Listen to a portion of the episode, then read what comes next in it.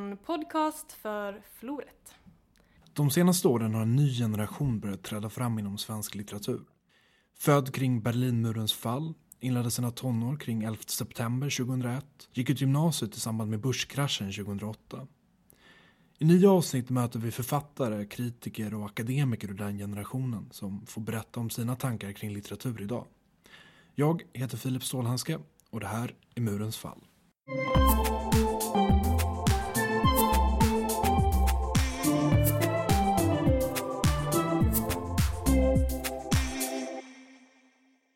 Jack Hildén är författare och utkom på Nordstedts med Vi, vi vaktmästare under 2014.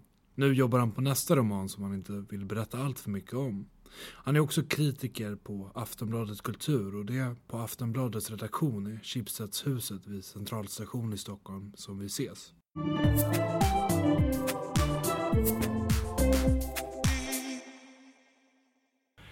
Hur tycker du att klimatet är för, för debutanter?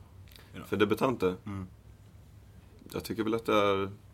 Jag har bara min egen erfarenhet. Jag tycker att det är svårt att bortkoppla sig från sin egen tid. Jag, är så, jag tycker att jag har blivit bra behandlad av, eh, av det förlaget som jag är på och liksom tagit på väldigt stort allvar. Sen så märks det väldigt tydligt att det är traditioner som lever kvar som inte längre riktigt infrias i verkligheten för debutanter. Som jag kommer ihåg till exempel, alltså, när det krockar, de, de anrika förlagen då till exempel med, med hur verkligheten ser ut för debutanter. Typ när min bok hade recensionsdag eller så. Så sa min förläggare så ja men jag ringer dig klockan nio på morgonen och berättar lite om hur mottagandet har varit. För det är en sån här tradition som tydligen är på förlag. Och så som jag såklart blev jättenervös, eller så här, man ligger vaken hela natten och bara snart kommer samtalet. Vad kommer världen att säga om min bok? Uh, och sen var han så, så var han så här, ja men Jack tyvärr det har inte kommit några recensioner. Eller så här, ja det var en, någon liten tidning som hade skrivit att det här var väl okej. Typ. Alltså det är så här, Mm. det kanske lite så. Men du, du känner att man lever kvar i en, en annan tid på förlagen? Eller? Att när, när alla böcker gick på, man satt vaken och väntade på att tidningen skulle komma från pressarna? Och... Ja, de är, man märker ju att, man, eller när jag har fått kontakt med den här, eller Norstedt är det bara då som är, att det är en väldigt, alltså det är en väldigt så anrik och eh, traditionsbunden eh, kultur på ett sätt som är lite svårt att, eller det är nog svårt för alla debutanter att verkligen förstå eller så här, få, få tillträde till hur det faktiskt funkar. Men det märks bara när man går runt där att det är väldigt så här, ja, man håller på en viss, eh, någonting som lever kvar. Det är svårt att sätta fingret på vad det är. Mm. Men kan du sätta fingret på hur det märks, liksom, det där som lever kvar, vad det nu är?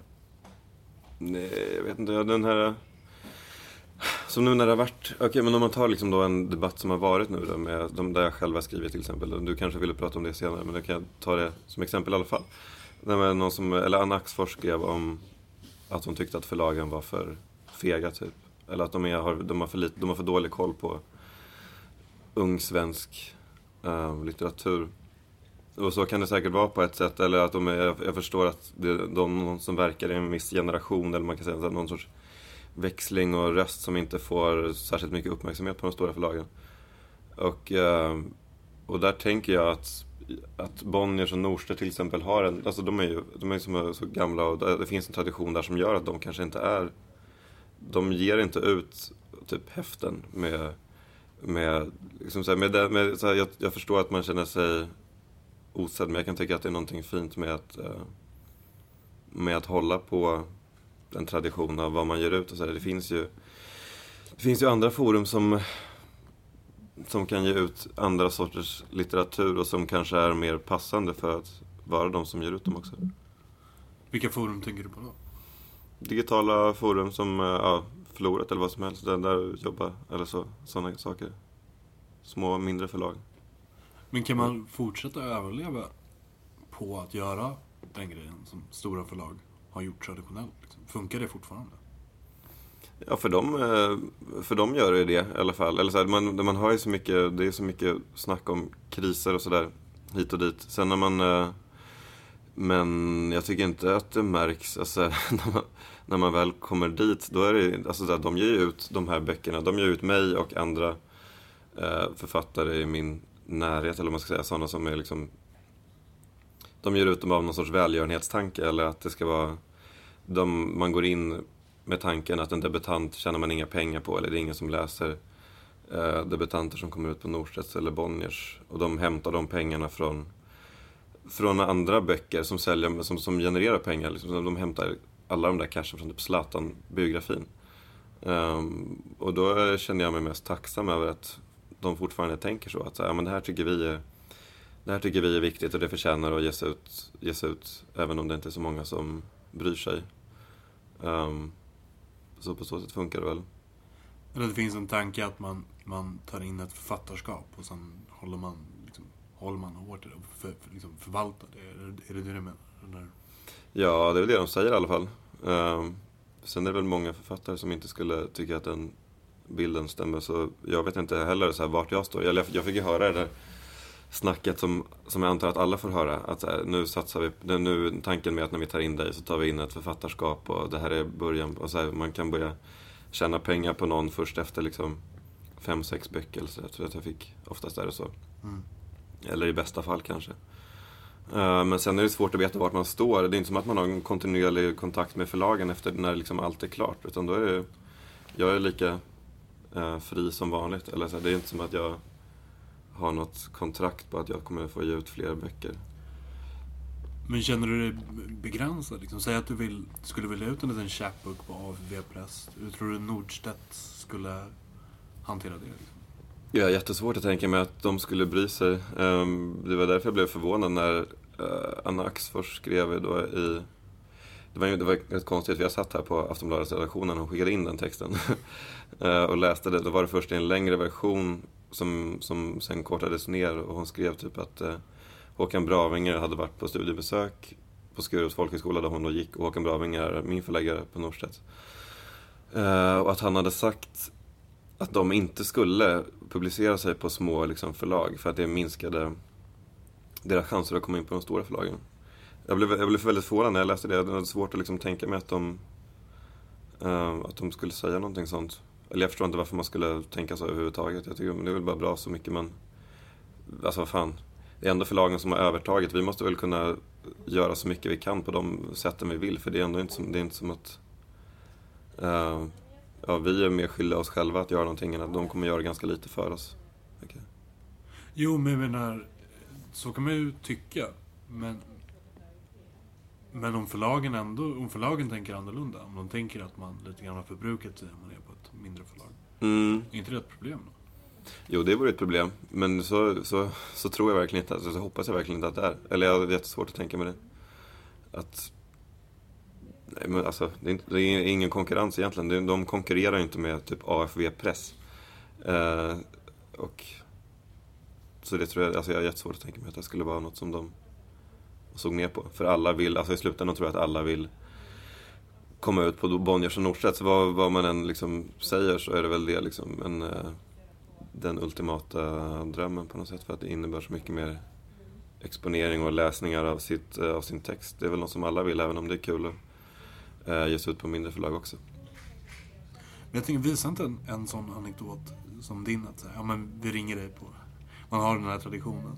Mm. Alltså man, man skulle kunna vara illvillig och tolka den liksom som att det visar på en institution som tiden sprungit ifrån. Mm. Så det är en annan medieoffentlighet, det är en annan, ett annat förhållande till text idag. Så mm. det är mm. inte det där självklara.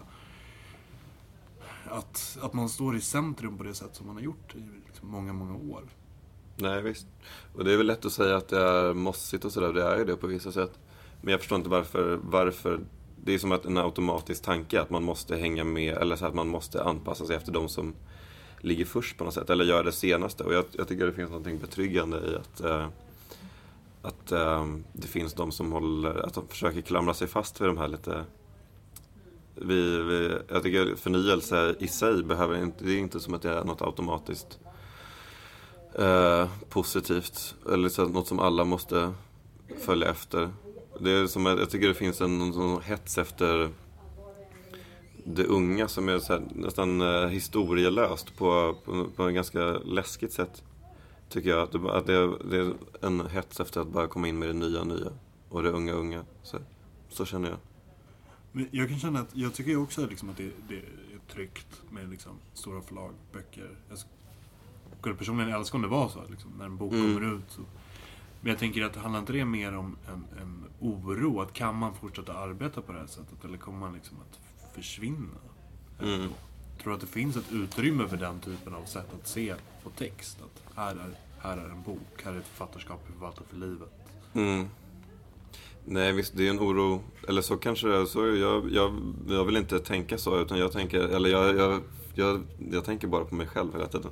Jag försöker hålla mig flytande. För, eller så här, jag, behöver, jag tycker inte att jag behöver ingå i någon struktur om jag inte vill. Alltså jag kan typ avsäga mig det. Eh, så länge, nu har det liksom varit så att jag har um, haft tur och sådär med vissa saker. Att jag kan, jag, nu befinner jag mig på två, man kan säga så här, jättemossiga institutioner. Och så här, um, det är dels jag sitter på Aftonbladet nu och uh, Norstedts är mitt förlag som är så här, baserat på traditioner. Eller säga. Och så länge det är så här, då går det uppenbarligen, för mig i alla fall, att, eh, och jag, jag tänker liksom försöka fortsätta göra det så länge det är möjligt. Och när det inte är möjligt längre, då får man hitta något annat sätt att lösa det på. Men jag tänker inte eh, liksom insortera mig i en i någon sorts krisstämning bara för att det förväntas av mig. För att, eh, nej.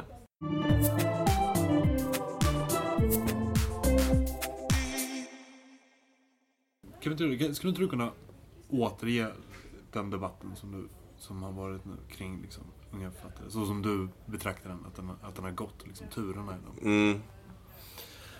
Jag tycker att den har varit jättetrött och verkligen inte, jag tycker att det är en, verkligen en debatt som inte har resulterat i någonting. Typ.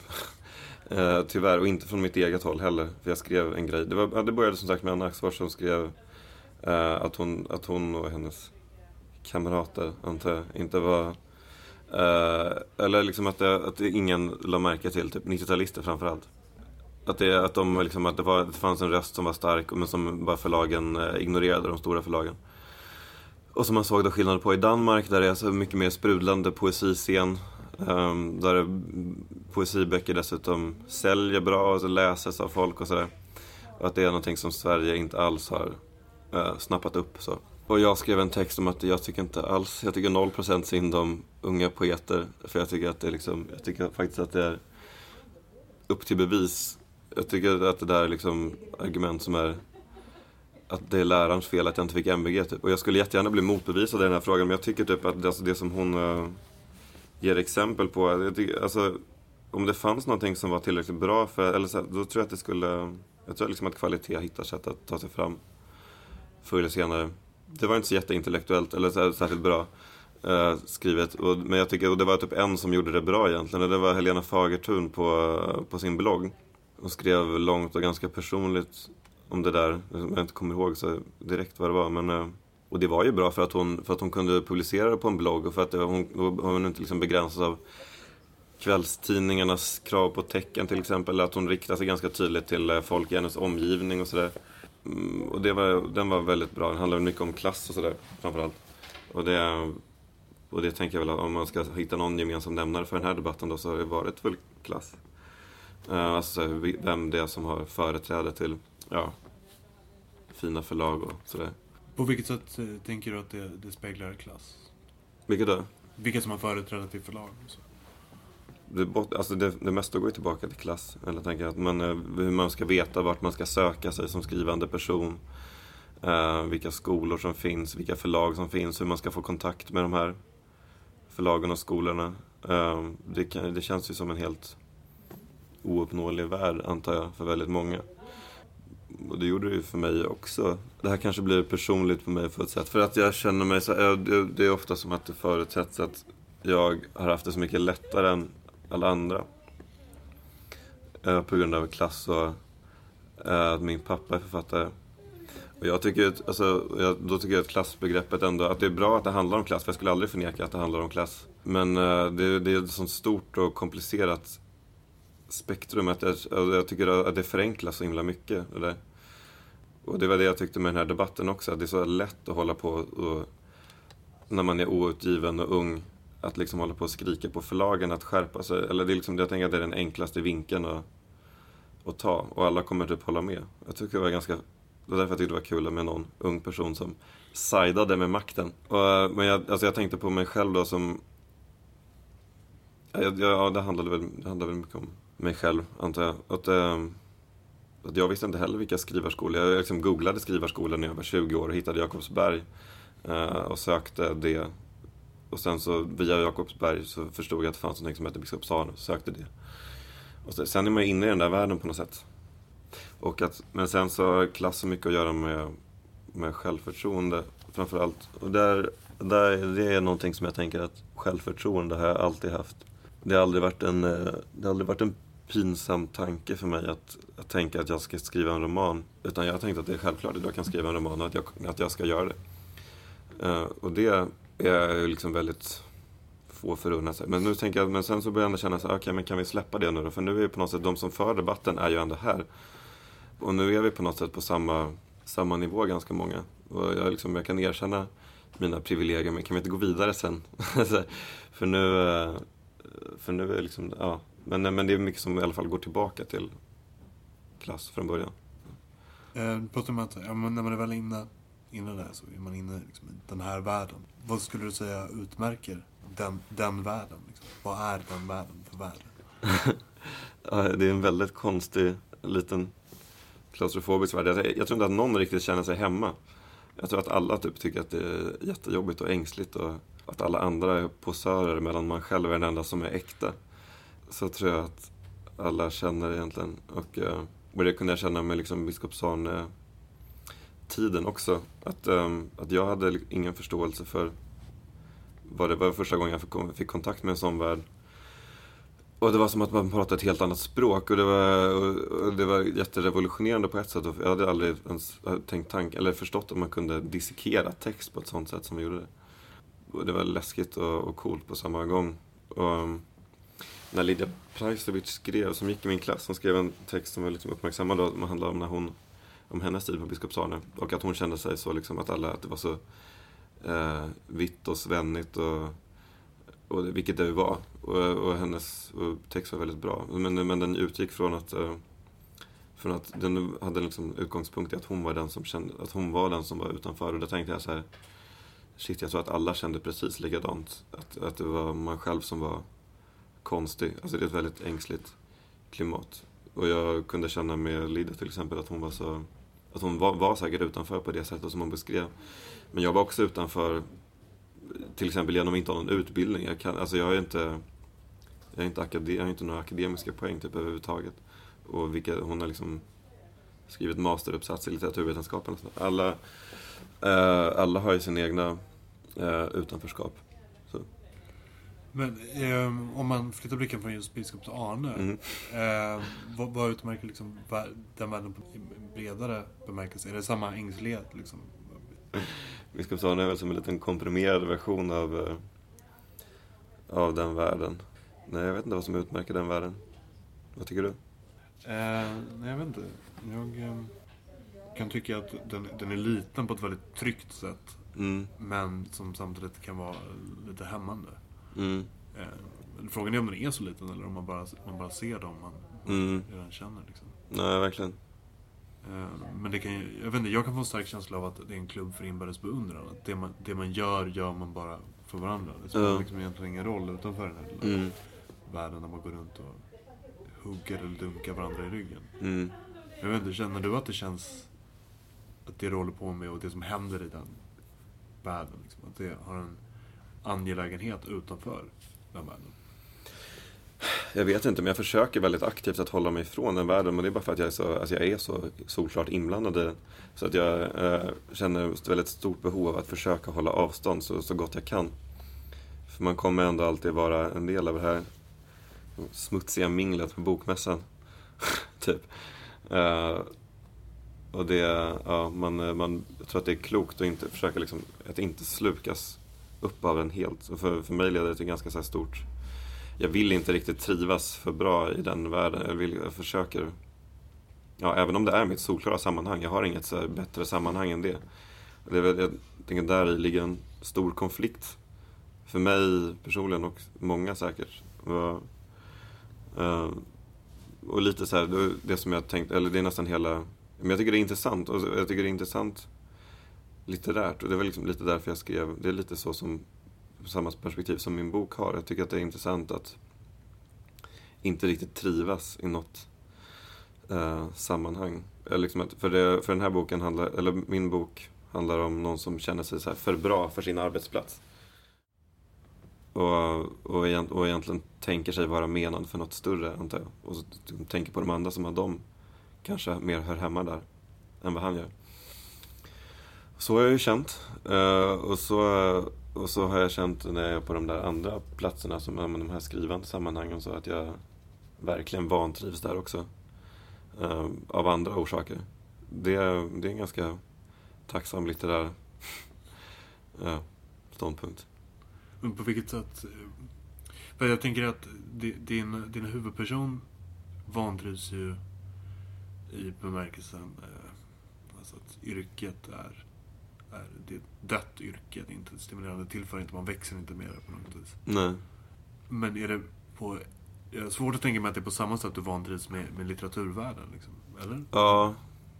ja, verkligen. Det är en helt annan sorts vantrivsel. Jag försöker tänka hur min, hur min vantrivsel ser ut. Jag, liksom, jag vill inte heller att det ska vara en klubb för inbördes beundran. Det är väl det. Och det var väl det jag kunde känna med... Eh, alltså jag vill, typ, jag vill skriva roliga och liksom så här lätta texter som alla vill läsa och inte bara den här klubben. Och det tänker jag i och för sig, det var väl någonting som Anna Axfors också var inne på. Jag tänker vi är eh, lika varandra där. Bara olika synsätt på hur det ska gå till eller vad som uh, bör göras. Ja, min, uh, min vantrivsel går väl ut på att jag, tyck, att jag känner som att folk gör samma sak. Uh, och att hon förespråkar, alltså liksom hennes, hennes åsikt var liksom att hallå, uppmärksamma den här saken som vi gör. Och jag tycker liksom att anledningen till att det inte uppmärksammas är för att det är så uppenbart hämtat från varandra. Eller liksom jävla grupptänk där allting blir likadant i slutändan ändå. Och att då, är det, då kan väl det få vara kul för de 30 personerna som går på den uppläsningen. Men om det inte är, om det är för internt så kommer det märkas. Och jag tror att det, jag tycker fortfarande att det ofta är för internt.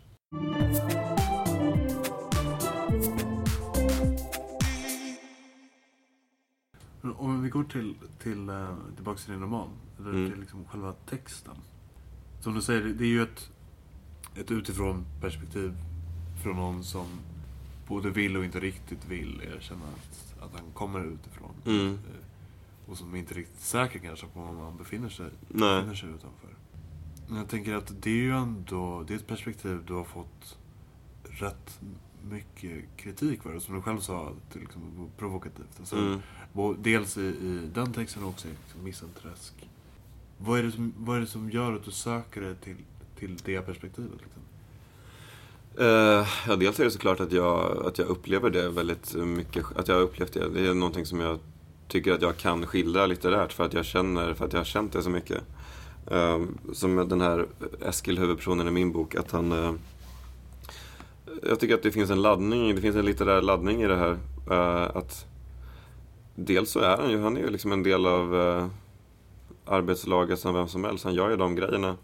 Och han, eh, och han vill på ett sätt in i gemenskapen för att det, det verkar vara liksom en skön och grabbig jargong som man gör som det verkar kul att vara med i och sådär. Eh, att de är i den här boken så de är liksom mycket mer avslappnade på ett sätt som han inte är, som är så, så orolig och rädd och ängslig.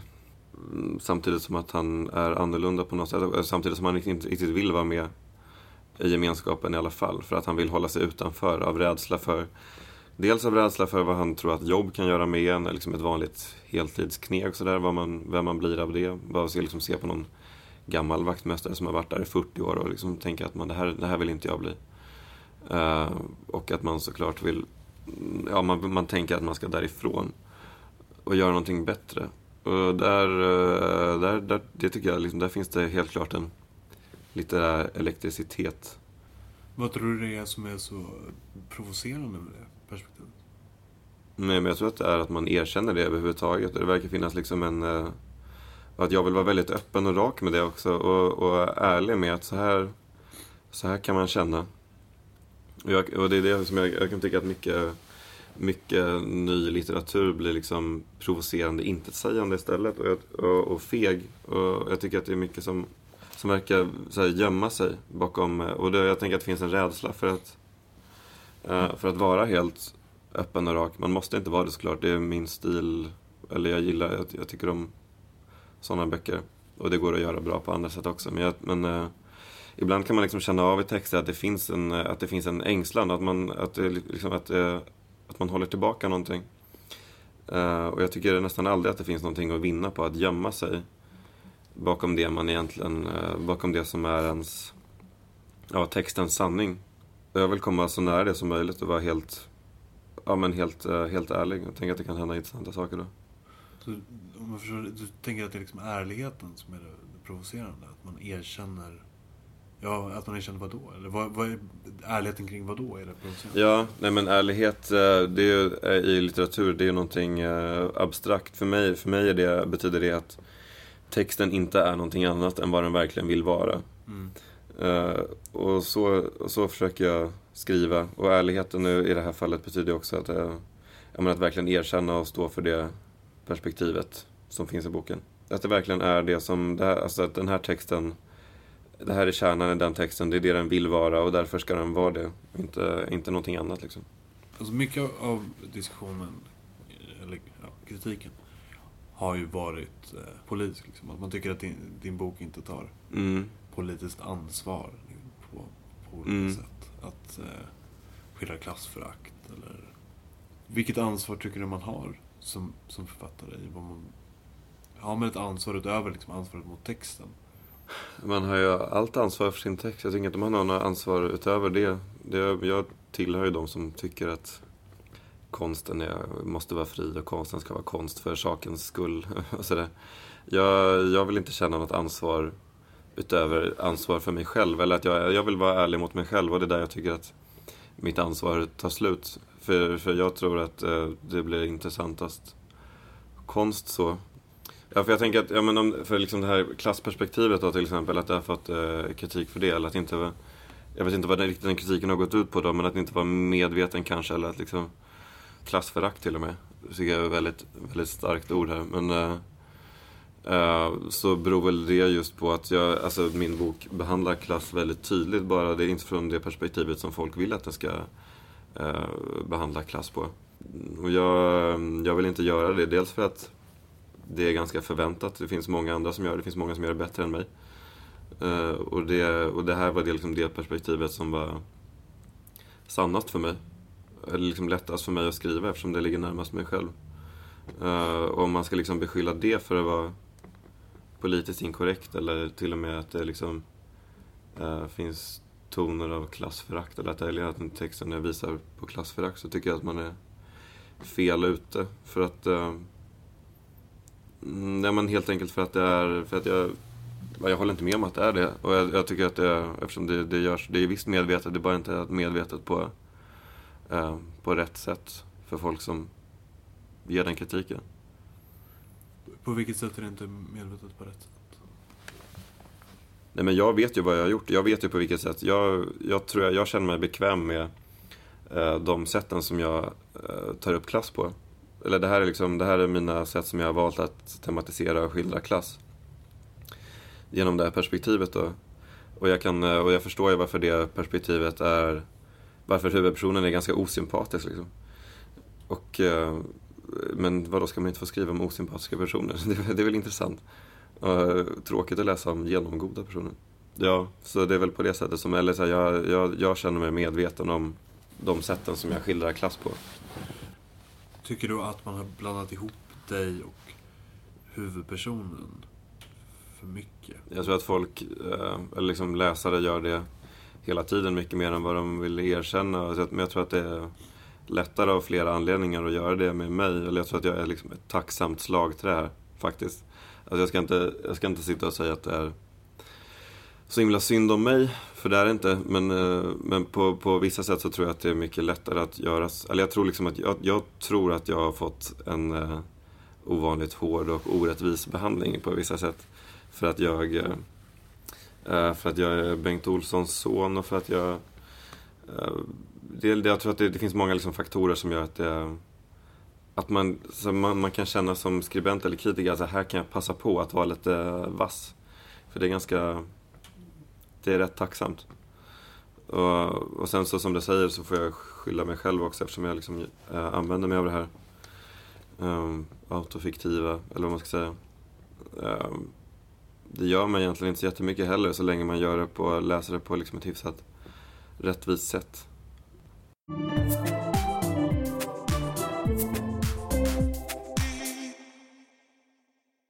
Hur tycker du att liksom, den, den tid du vuxit upp i har präglat dig och inte minst ditt, ditt skrivande?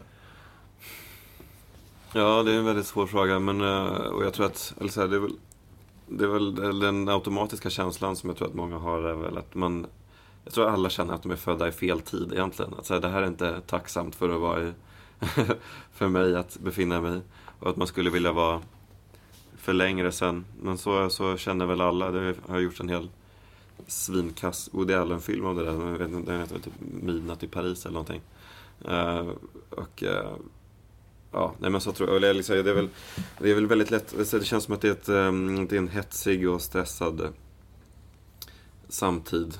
Ehm, där liksom allting gås förbi på något sätt. Vi, vi förstår inte riktigt vad vi håller på med samtidigt som vi bara reproducerar det i oändlighet.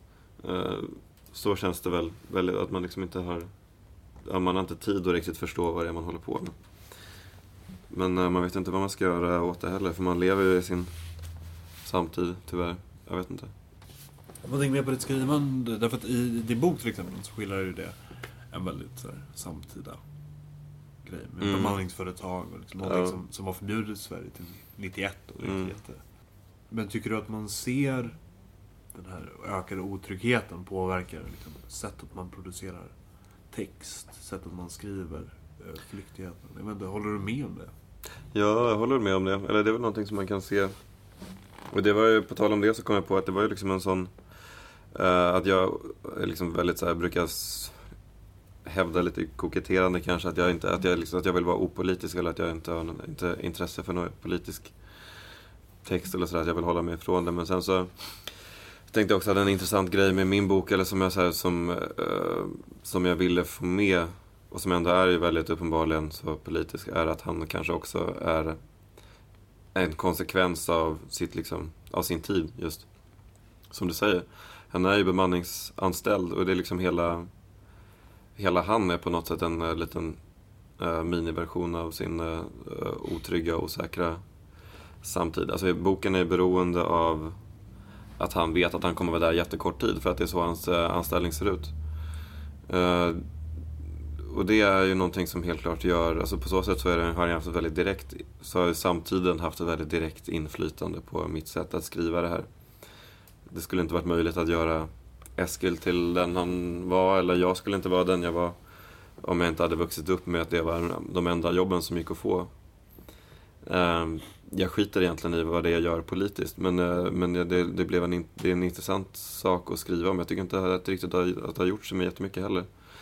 De här bemanningsanställningsvillkoren. Det finns ju mycket att hämta ifrån där. Jag, jag kom i kontakt med Norstedts när jag först skrev ett manus innan den här, eller en roman som var mycket mer... Som jag skickade till Norstedts och de var lite, lite såhär, ja till. Men då var, det, då var det också bemanningsföretag, men då var liksom idén om att han istället skulle liksom vara på en ny arbetsplats varje dag. För det var så mitt liv såg ut just då. Och det tänkte jag att så här, men det här är ju det här är tacksamt att skriva om. Att liksom, vad sådana nya upplevelser gör med en hela tiden. Att allting är jättefragmentariskt. Uh, och det var ju liksom kul idé på pappret kanske, men sen så behöver man väl, sen så uh, kokar det ner till att, nu, nu är det en väldigt roman som är väldigt liksom platsbunden och men det, men det är fortfarande kvar det här tänket med vad det är att leva med den otryggheten som, eh, som han lever med. Eller att eh, ha den... Eh, det behöver kanske inte ens vara otrygghet, men bara en, ett väldigt kortsiktigt liv helt enkelt. Men du säger att den liksom kortsiktiga idén var, var bra på pappret, men inte riktigt funkar. Vad är det som inte funkar i, i, liksom, i att skildra den typen av upplevelser som är helt fragmenterad? Eh, man måste väl nog vara en bättre författare än vad jag är. För det, för det är liksom svårt att eh, få det till... Om man inte har någon röd tråd överhuvudtaget i handlingen så, så är det ganska svårt. Alltså varför, måste man, varför skulle man bry sig som läsare om att det händer nya saker hela tiden? Att man inte kan få eh, riktigt fäste på någonting. Och det var väl det som den boken lyckades med. Men det är ju en ganska kul idé ändå att liksom skriva om nya arbetsplatser hela tiden. Om man kan göra det på något, eh, på något bra sätt. Och här är det men jag tänker ett sätt att lösa det på är att ha ett väldigt tydligt eh, koncentrerat jag. Och där är ju den här boken också. Jag tänker att det, är en liksom anledning till att den funkar, att den är så att det, det är lätt, att, var lätt för mig att skriva en sån bok. Det är en ganska lätt form att skriva i. Presens jag-form. Eh, långt in i huvudet sådär. Och om man har det på något väldigt stilsäkert sätt då kan det ju funka att göra det med en massa olika arbetsplatser också. Men du, du, du tror inte att det är en format formatbegränsning på något vis? Att romanen kräver det här linjära kurvan på något vis? Kanske tillbaks på den här diskussionen vi- började med, med Nordstedt och sådär. Den typen av gamla syn på, på böcker. Ja. Finns det ett utrymme för den här fokuserade texten? Som, Med det mer liksom korta, vad ska jag säga, Twitter-formatet då. mm. Eh, det, tror jag så, eller så här, det tror jag verkligen att det gör. Det är självklart att det måste finnas utrymme för den formen, eller så här, för någon ny form som, eh, som görs bra. Och jag tycker att problemet är att liksom, ja, det görs ofta, ofta är det för slappt och för att det går för snabbt och ogenomtänkt. Och så här, jag tror, men jag skulle jättegärna se någon som gjorde det på något väldigt eh, intressant sätt. Alltså, så här, det är klart att alltså, där skiljer, och det är någonting som på nästan, nästan automatik kommer med den stilen och uttrycksformen då. Att så här, det ska gå eh, snabbt och det ska vara, så här, det ska vara enkelt. Eh, det finns mycket som ingår i det här, liksom, talspråkighet och, eh, och det är klart att så här, det, om, det, om, någon, om någon verkligen gjorde det här på något eh, väl genomfört och genomarbetat sätt så, så finns det självklart utrymme för den uttrycksformen tror jag. Men det, liksom, det blir för ofta att det förknippas med Ja men att det är bara att det liksom är en, eh, en slapphet och sen ska man komma och anklaga folk för att de inte tar det på tillräckligt stort allvar. Jag tycker inte att det förtjänas att tas på tillräckligt stort allvar än så länge. Men jag skulle gärna bli motbevisad här. Jag menade faktiskt tvärtom. Jag menade om det fanns något utrymme för den klassiska romanen. När liksom förhållandet till Mm. text förändras Mm. och, och när, när den upplevelsen, när kanske läsarna faller från för den typen av, av text. Liksom. Jo, Eh, men vadå, det är klart det finns utrymme för den klassiska romanen. Eh, Det vore också en sån sak som man bara, det känns, det känns som ett konstigt tankesätt att man på något sätt bara ska ge upp. Eh, Eller alltså, så här, bara flyta med strömmen på något sätt. Alltså, Jag tänker att det finns ett värde i att eh, Nej, nej, men simma emot lite också. Absolut, men- men jag menar mer att om det är som du säger, att liksom, det, det är svårt att skildra en ganska, idag ganska vanlig upplevelse av arbetslivet Mm. i romanformatet. Just för att det kräver, det är en annan upplevelse av världen än vad som, för, för, liksom, vad som kommuniceras i en roman. Mm.